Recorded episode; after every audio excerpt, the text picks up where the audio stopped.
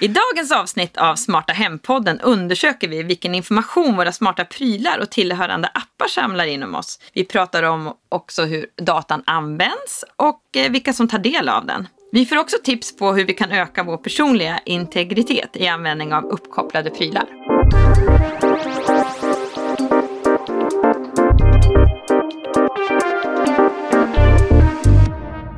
Hej och välkomna till Smarta Hem-podden. Här tar vi reda på vad som ryms inom begreppet smarta hem. Vi tittar vad som finns på plats här i Sverige och i världen och vi blickar framåt och tittar vad finns i framtiden. Vi som är värdar för podden är jag, Malin Hansdotter och Robert Bäckström. Och vi arbetar båda två på Stångåstaden, Linköpings största bostadsbolag till vardags. Varje avsnitt har vår, eh, våra reportrar dykt ner i ett ämne för att ge oss en bättre bild av hur det ser ut. Och idag har vi Rickard hos oss. Välkommen Rickard! Tack! Roligt att vara tillbaka. Jag har på mig min smarta hem-skjorta idag. är det den du har på dig? I didn't see that coming.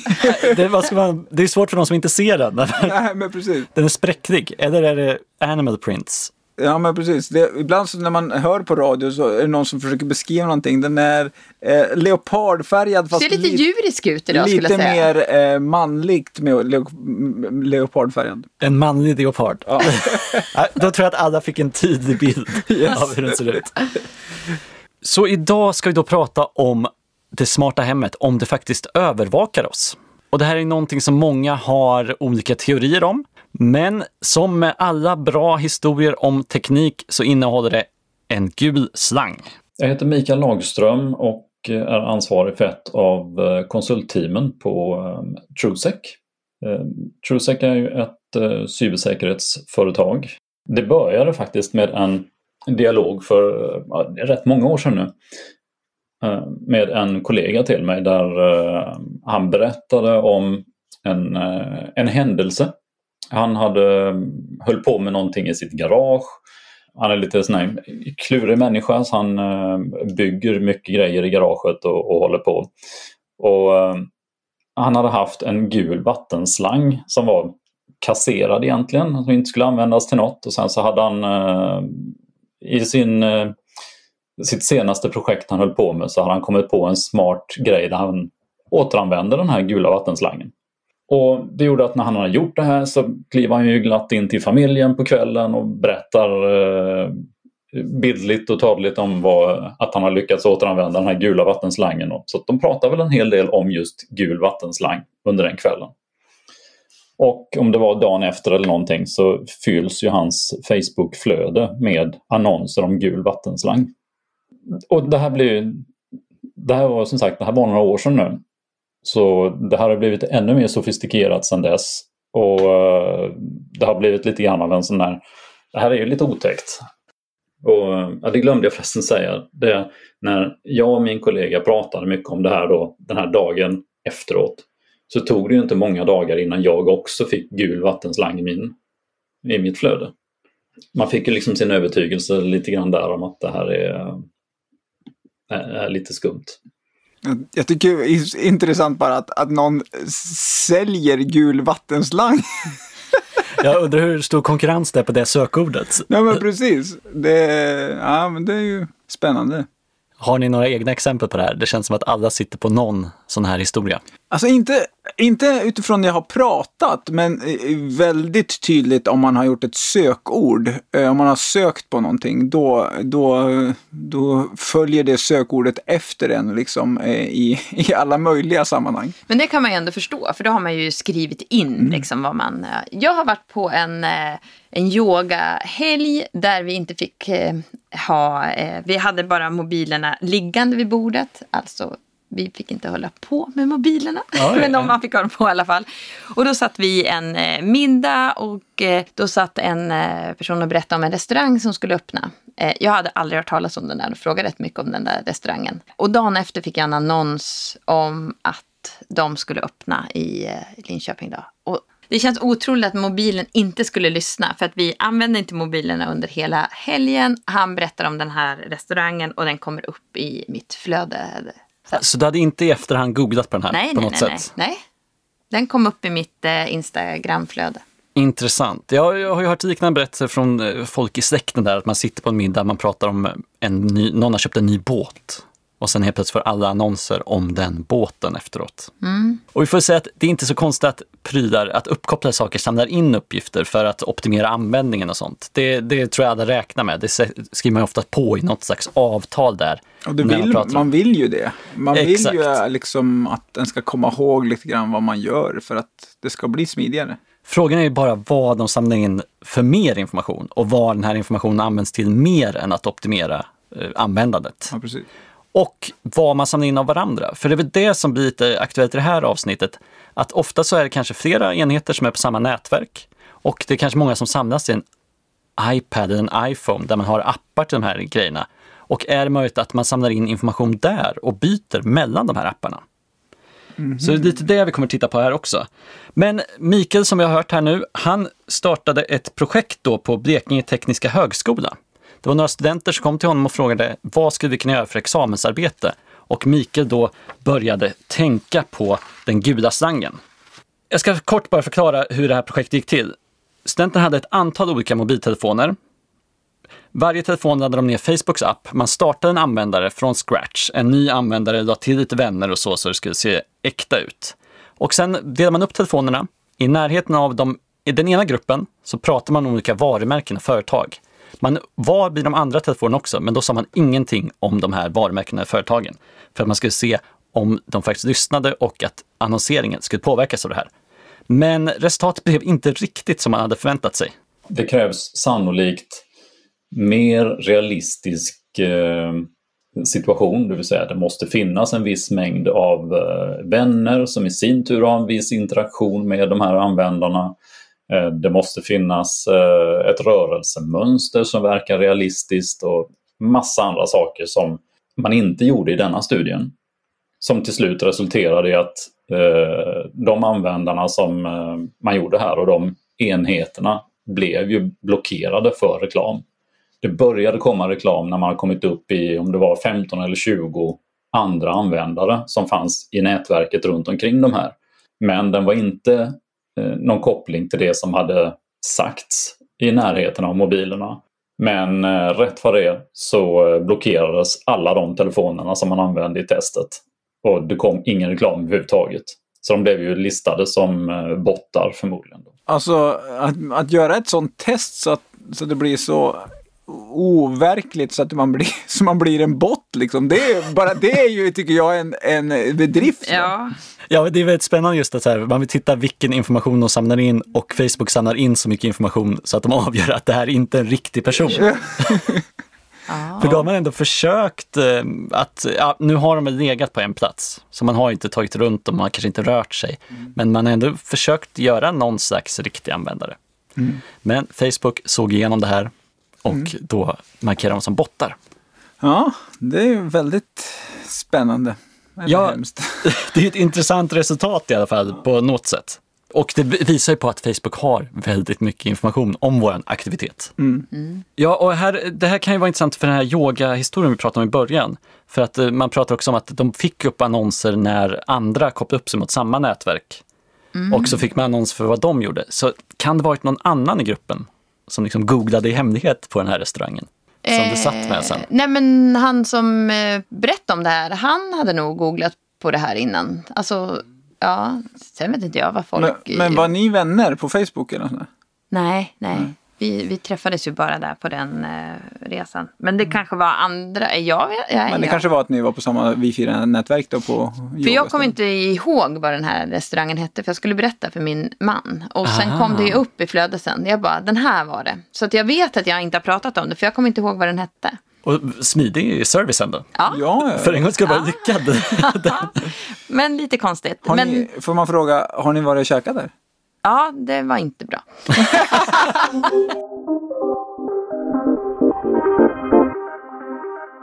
Men det här är inte första gången som någon misstänker att Facebook lyssnar på en och det är många som har testat och gjort olika experiment där man har försökt få svar på det här. Men det har inte gått att bevisa än så länge. Men det är vi nog alla inne på att jo, men det gör de nog. Fast man har inte riktigt kunnat bevisa det ännu. Och där är det lite svårt att, eh, som enskild eller som några få enskilda individer skapa ett eh, ekosystem som eh, inte upptäcks av eh, den enorma företagets resurser som, som man då står emot. Som absolut inte vill att man ska kunna bevisa det här i en, i en, en forskningsstudie på något sätt. Likadant det som man också kan fundera på i och med att Messenger blir mer och mer någonting som du använder för att också köra vanliga samtal i. Och då kan man också fundera på, ja men vad händer med det du säger där egentligen då? Analyseras det någonting? För att allting du säger där, det går ju via eh, Messengers eh, servrar. Och tänker man då på den enorma mängden information som flödar där, eller som flödar i, i text i, i Messenger för den delen också, är ju oerhört lätt att trigga på, mot reklam. Ja, det tänker man kanske inte på så ofta. Nej, och Messenger använder man ju supermycket. Ja, ringer ni med Messenger också? I, ibland, inte kanske enskild eh, person, men när man har grupper. Så mm. man ska ringa upp ett gäng och man ska... Ja, nu har man ju sett rätt mycket digitalt och då har jag använt Messenger rätt mycket. Ja, vi har gjort också med, tillsammans med ja, men familjen och så, på distans så man kan se varandra samtidigt. Och, så. och det är ju spännande som man är inne på, för då går det ju genom deras servrar. Mm. Så då alla samtalen, egentligen så har man liksom allt ljud in och vidare där. Mm. Och, men då, och, och ja, det är ju ett enormt det är ju, ja men alla, alla de här som har de här apparna är ju enorma företag som har resurser att tolka vad vi säger. Och, så att det, det är inte alls omöjligt. Och, och det är som vi pratar ju in i deras system så de kanske får använda dem. Och vi har ju någonstans accepterat att mm. de får uh, använda informationen i de här apparna. Ja, jag tror också det är väldigt få som har koll på exakt vad det är vi har sagt ja till. Va? Va? Är, det, är, det, någon som har läst hela det där dokumentet man scrollar igenom lite snabbt? Ja, men man har läst det längst ner, godkänt står det. Mm. Och så trycker man, så. Fast det är många som har börjat med att det går ju inte att trycka i godkänt förrän du har scrollat igenom hela. Ja, så då måste man göra den grejen. Mm. Precis, och då läser man ju mycket mer. Mm. Det, nu är det som vi pekar ut Facebook här. Mycket av annonseringen sker där, men det är andra techföretag som också har misstänkts för att eh, lyssna på oss eller för att övervaka oss på olika sätt. Och för att få reda på mer om datainsamlingen så har vi pratat med vad vi kan säga experternas expert. Jag heter Ann-Marie Eklund Lövinder och jag är Chief Information Security Officer på Internetstiftelsen. Det här är så coolt och jag, vet, jag förstår inte varför hon inte tog med det här i sin prestation. Men Ann-Marie är en av de som har nycklarna till internet. Vadå? Har ni hört om det här? Vadå? Nej. Vadå? Vart är det? Vart finns internet? Vi låter Ann-Marie förklara lite vad det innebär. Ja. Alltså väldigt kort eh, så betyder det att jag har eh, ett, ett, uppdrag som handlar om att göra domännamnsystemet för internet globalt lite säkrare med hjälp av krypteringsnycklar och digitala signaturer. Eh, och den nyckeln som jag har, den går till ett värdeskåp som finns i ett kassaskåp som finns i, ett, i en bur i ett rum i ett datacenter i USA. Eh, och det här värdeskåpet, där förvaras det smarta kort. Och de smarta korten används för att aktivera en kryptomaskin som skapar nya nycklar Eh, för att kunna göra de här signaturerna. Så det är en, en lång serie. Det handlar om säker DNS och det handlar om att man ska kunna lita på de svar som domännamnsystemet lämnar tillbaka när man frågar om en resurs på nätet, till exempel om man vill skicka mejl eller om man vill eh, besöka en webbplats eller vad det nu är man vill göra. Och det var väldigt kort. Och väldigt tidigt förstår jag för alla. Det lät lite som en sån science fiction-film. Ja men precis. Men om allting är inlåst så här mycket, då känns det väldigt säkert. Ja. ja. men det är väl så att du ska kunna lita på de adresserna, att det gör vad man tror helt enkelt. Ja. Men eh, vi pratar ju om datainsamling. Och eh, vi kan väl börja där, så här, varför har olika tjänster och appar börjat samla in data? Ja men från början så var det ju naturligtvis Eh, Eh, så att man, det, det, gick ju inte att få konsumenterna att betala för appar. Och då behövde man hitta alternativa affärsmodeller. Och en sån affärsmodell var ju då att utveckla gratisappar och försöka övertyga användare att, an, att använda den betalversionen. Och gjorde man inte det då så så hade man reklam i appen. För det fanns ju, eller finns ju kanske fortfarande i vissa appar möjligheten att om du betalar så slipper du reklamen. Spotify har ju en sån affärsmodell till exempel, det finns säkert andra. Ehm, men, men med reklamen då så kunde man eh, också naturligtvis rikta särskild information till särskilda målgrupper men då gällde det att man visste vilken målgruppen var och då var man ju tvungen att ha den här datan tillgänglig. Ett annat sätt var ju att, att låta alltså, rena datamäklare lägga in den typen av spårningskod i appen. Eh, för det vet, och det vet man ju inte om och ibland kan det till och med vara så att apputvecklarna själva egentligen inte har en aning om att det här sker. Många gånger så är ju liksom appar pratar med andra appar och det är ganska komplext. Och sen så hamnar det här som sagt hos sådana här så kallade datamäklare eller data brokers Eh, som jag har som affärsidé att samla så mycket information som möjligt från alla möjliga olika källor för att kunna skapa en så detaljerad bild som möjligt av användaren om deras hälsa, deras vanor, sexuella läggning, politiska åsikter eh, och allt vad det nu är. Och det här är ju någonting som har fullständigt exploderat.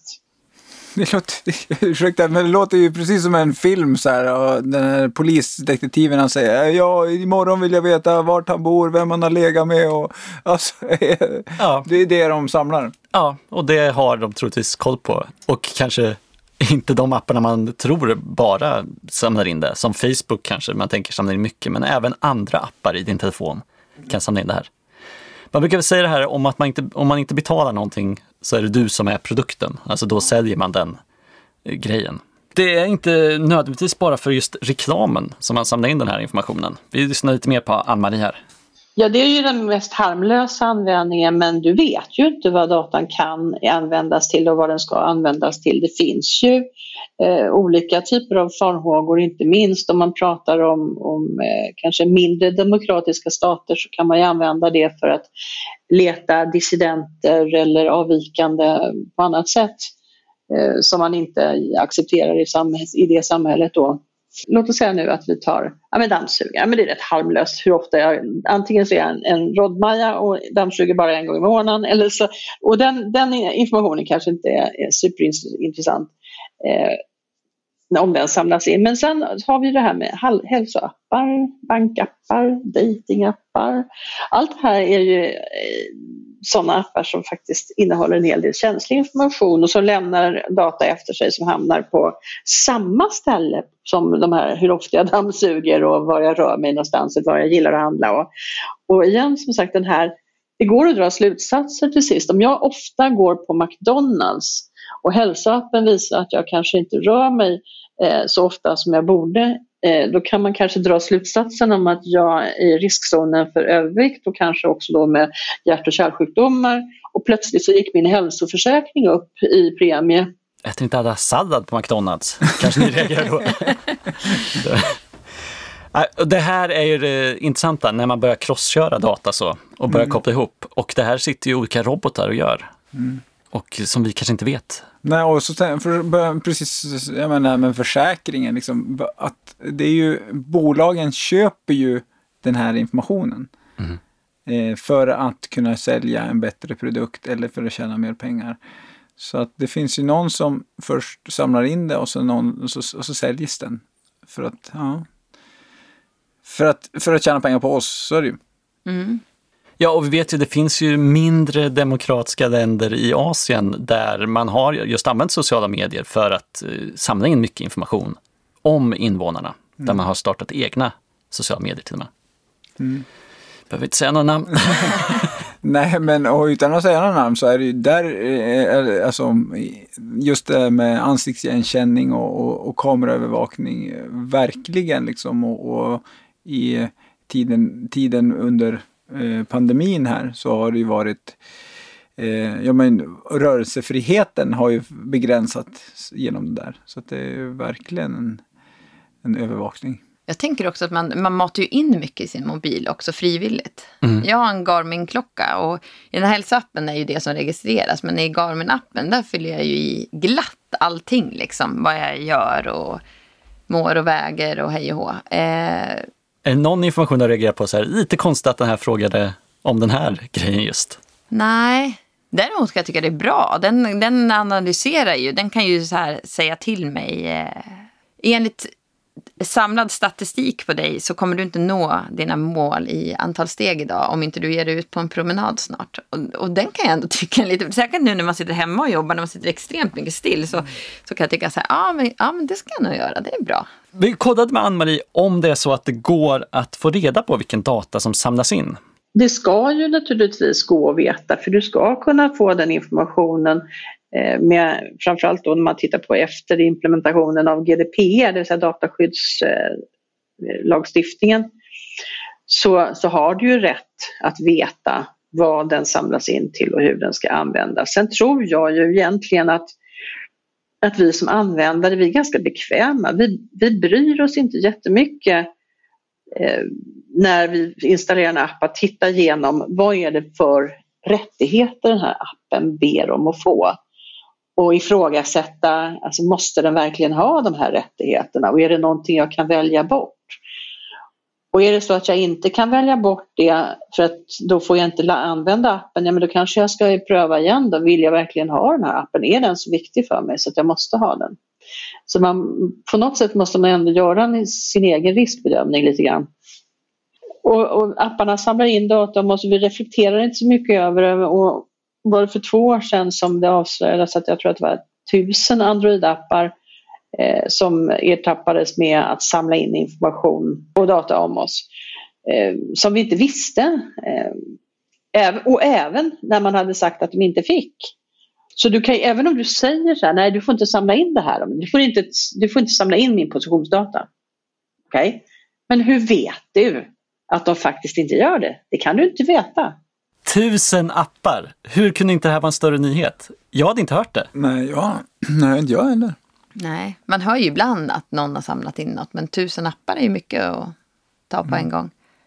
Och också just det här övertron vi kanske har på att så här, jag har ju sagt nej ja. till att de skulle samla in det här. Ja, jag tror åt andra hållet att liksom vi kanske har sett nyheter men tänkt sig, ja tusen appar, ja men alla appar samlar in. Alltså man kanske inte ens registrerar över att, eh, att det var en nyhet. För att man är så medveten om att appar ändå samlar in information om en.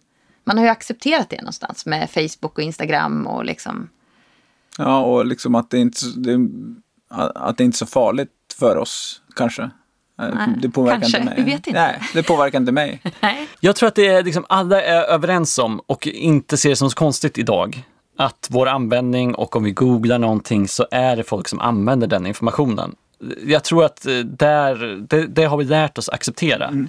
För mig så blir lite knäckfrågan om det faktiskt är så att de lyssnar på oss. Att ett så samtal vid köksbordet hemma, mm. att det också används som underlag. Mm. Och då kommer vi tillbaks här då till den gula vattenslangen. Hur mycket lyssnar våra mobila enheter på oss i vår vardag?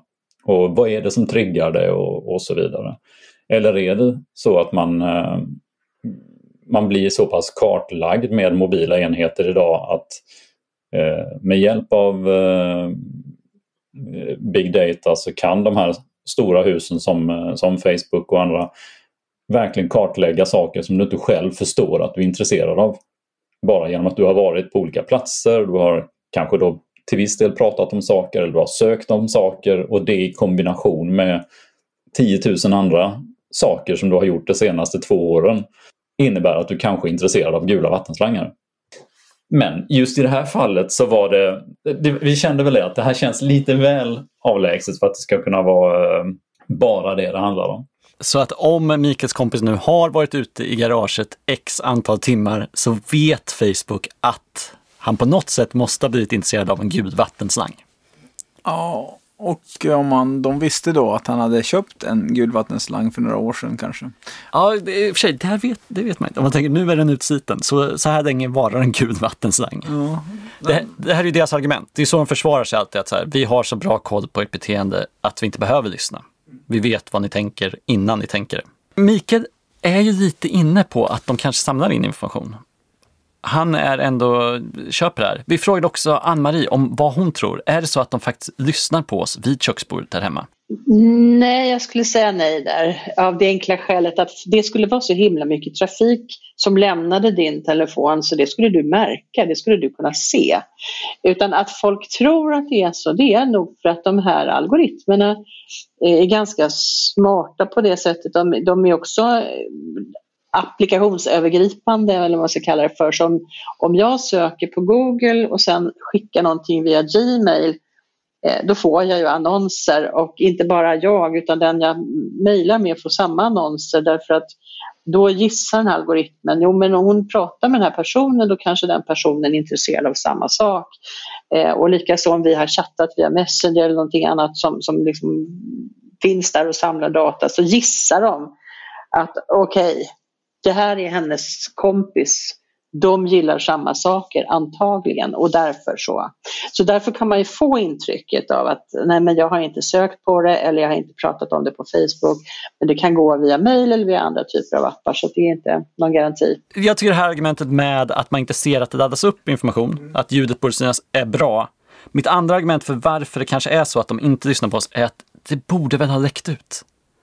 Alltså med tanke på att allt, hur svårt det är att hålla en hemlighet. Ja, men och jag tänker också det, liksom, även fast IT-säkerhetsansvarig på Facebook och Google och alla de här, eh, de skriver säkert på ett avtal att du, vi dödar dig om du säger någonting. Men alltså det, det borde ju läcka ut. Det finns ju de som har läckt tidigare. Liksom. Snowden hade ju också skrivit på ett avtal, får man ju säga, innan han ja, ja. läckte allt de samlade in. Ja. Ja, men jag tycker det är dubbelt. På något sätt så tycker jag att de lyssnar. Man kan uppleva det. Men jag förstår ju när hon säger att de kan inte ta hand om allt flöde och liksom vad vi sitter och pratar om. Så att det är ju dubbelt. Ja, det är verkligen intressant.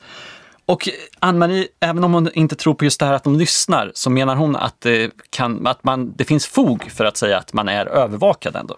Det är klart att det, det, tycker jag, det finns en sån risk, absolut. För du vet inte vart den tar vägen och du vet inte vem som tänker använda den och till vad. Och även om de allra flesta säger att jag har ingenting att dölja så är ju mitt svar på det, hur vet du det? Alltså, det känns ju, alltså Ann-Marie känns ju trovärdig. Så det får man ge henne. Hon ja. har ju nycklarna till Hon är ju nyckeldamen. ja. Och Mikael, han är ändå eh, också trovärdig tycker jag. Han är en expert på området och han är ju lite inne på, som vi säger också, att de kanske lyssnar. Mm. Även om vi inte kan säga det helt säkert. Men vi låter honom också kommentera. Generellt sett så är det ju inte att man ska gå runt och vara orolig för att man avlyssnas och tro att det är någon som sitter och lyssnar på det man säger i andra änden. Eh, sen finns det givetvis verksamheter och personer som, som säkert har den vardagen också, som, där det är intressant. Men då är det en helt annan typ av aktör på andra sidan. Då är det ju eh, espionage och det är främmande makts eh, verksamheter som håller på med det. Då. Och det, det, är klart det förekommer men där är ju inte merparten av oss ett, eh, en måltavla för det. Men att, att vi övervakas och analyseras utifrån vad vi har för ekosystem, till exempel i våra hem. Det, det är så det ser ut. Och det här tycker jag är en bra grej att ta med sig också, att eh, det är inte en person som sitter och håller koll på allt som Malin har gjort på yoga läget, utan det är massor med data som samlas in och det är olika algoritmer som drar olika slutsatser på den här datan. Så inte den övervakningen, i alla fall inte i Sverige. Alltså i mer totalitära stater, absolut, där kanske är en person som faktiskt sitter och följer allt Robert gör på telefonen. Men de eh, samlar ju in eh, information och ger mig relevant reklam. Mm. Om jag söker på ett par gröna skor så får jag ju gröna skor i alla flöden. Men sen om jag ändå köper ett par gröna skor, exakt de jag har googlat på, så fortsätter ju reklamen. Det kan jag tycka så här. Det borde ju ändå vara ett kvitto på om de samlar in att ja, men nu har hon köpt de här gröna skorna. Nu kanske vi ska locka med ett par gula skor. Då. Och det värsta är när man, de kanske till och med följer upp med rea på ja, de gröna skorna du köpt. Dem, ja. Då är det tack Google för den. Ja, ja men precis.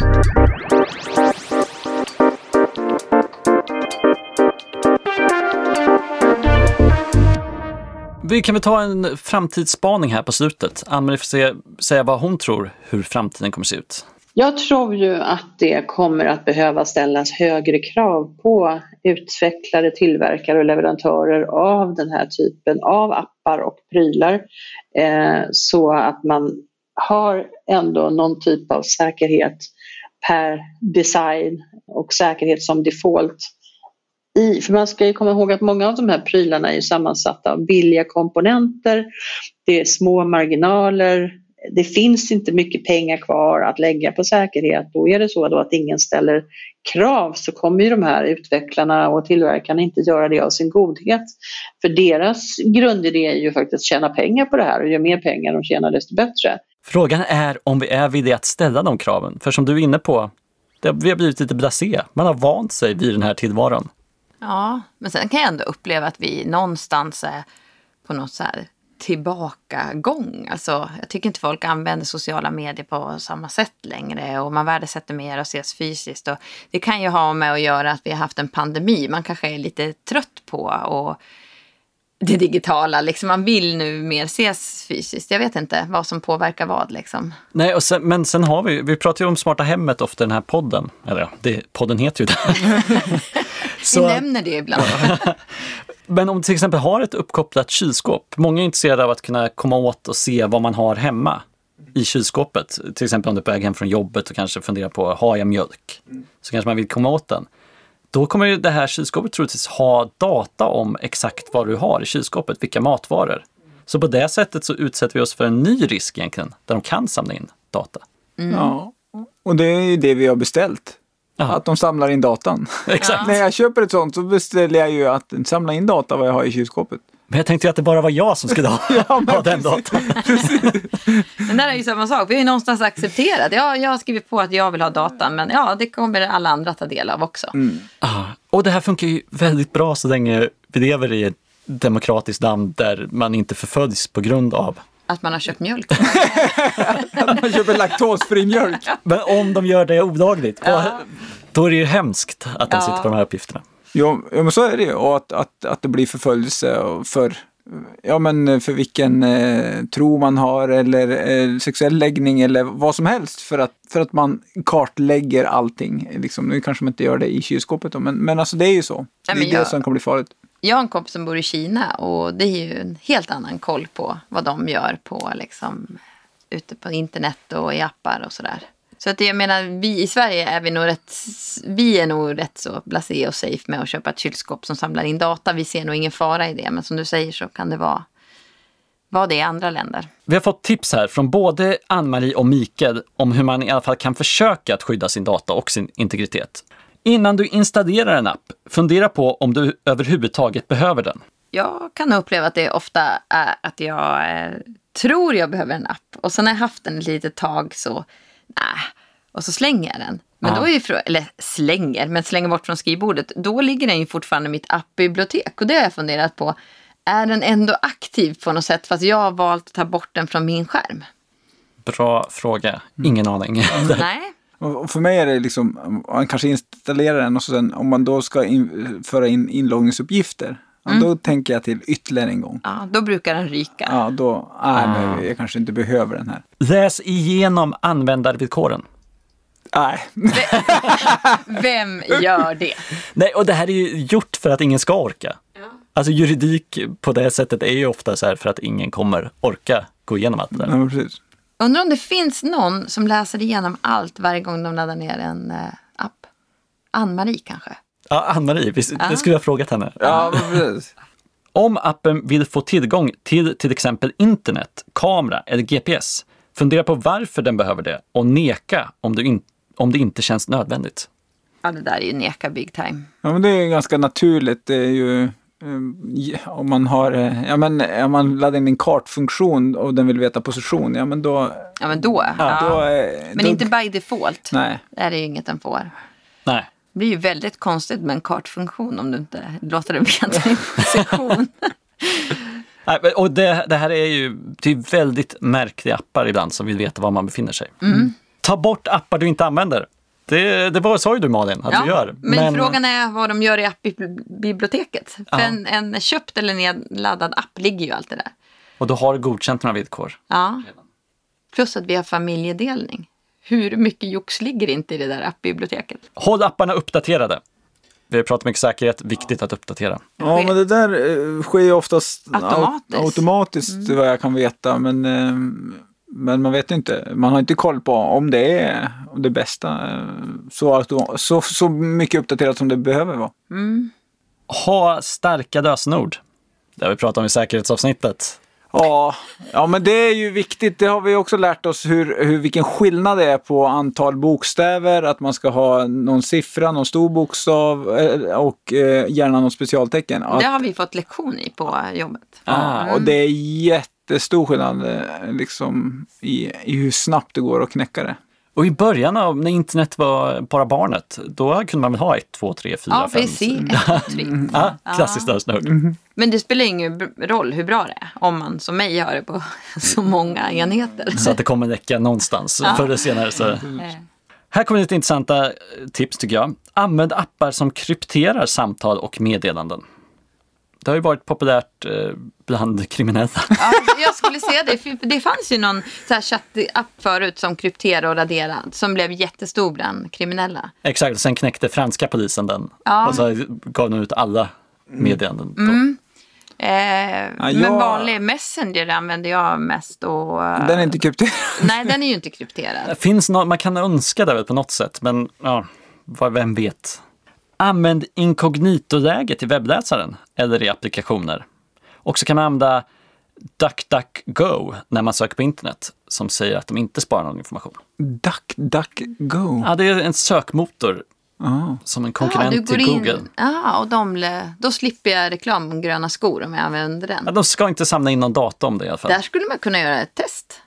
Söka på något man aldrig skulle söka på. Gör det. Till nästa gång. Ja. Kommer du rapportera tillbaka om det här, Malin? Ja, absolut. Om det Ja. blev några gröna skor i flödet. Malin testar DuckDuckGo.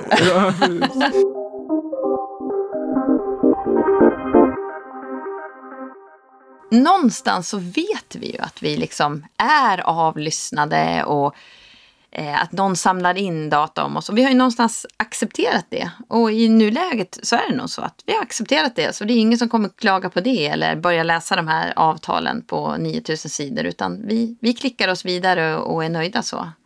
Mm. Och för, jag tycker att det blir så tydligt att, att så länge vi har gratis grejer så är vi produkten och vi är värda någonting. Och det kanske är kul för någon att känna att jag har ett värde. Liksom. Men vi, det, min, eh, Eh, våra personligheter och eh, ja, vi har ett köp, eh, vi har en köpkraft som är av värde. Sen eh, tycker jag att det var väldigt intressant att få lyssna till Ann-Marie som har den här inblicken och ja, men jag känner mig lite tryggare ändå, liksom hennes svar och, och men, eh, om övervakningen och så. Ja, men jag tycker ja, men det känns bra.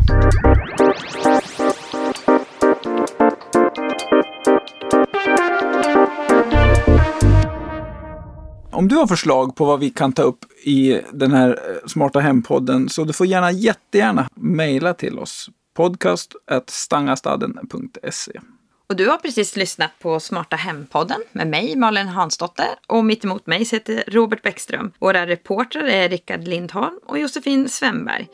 Podden ges ut av Stångstaden och produceras av Chimney. Tack för att ni har lyssnat på oss.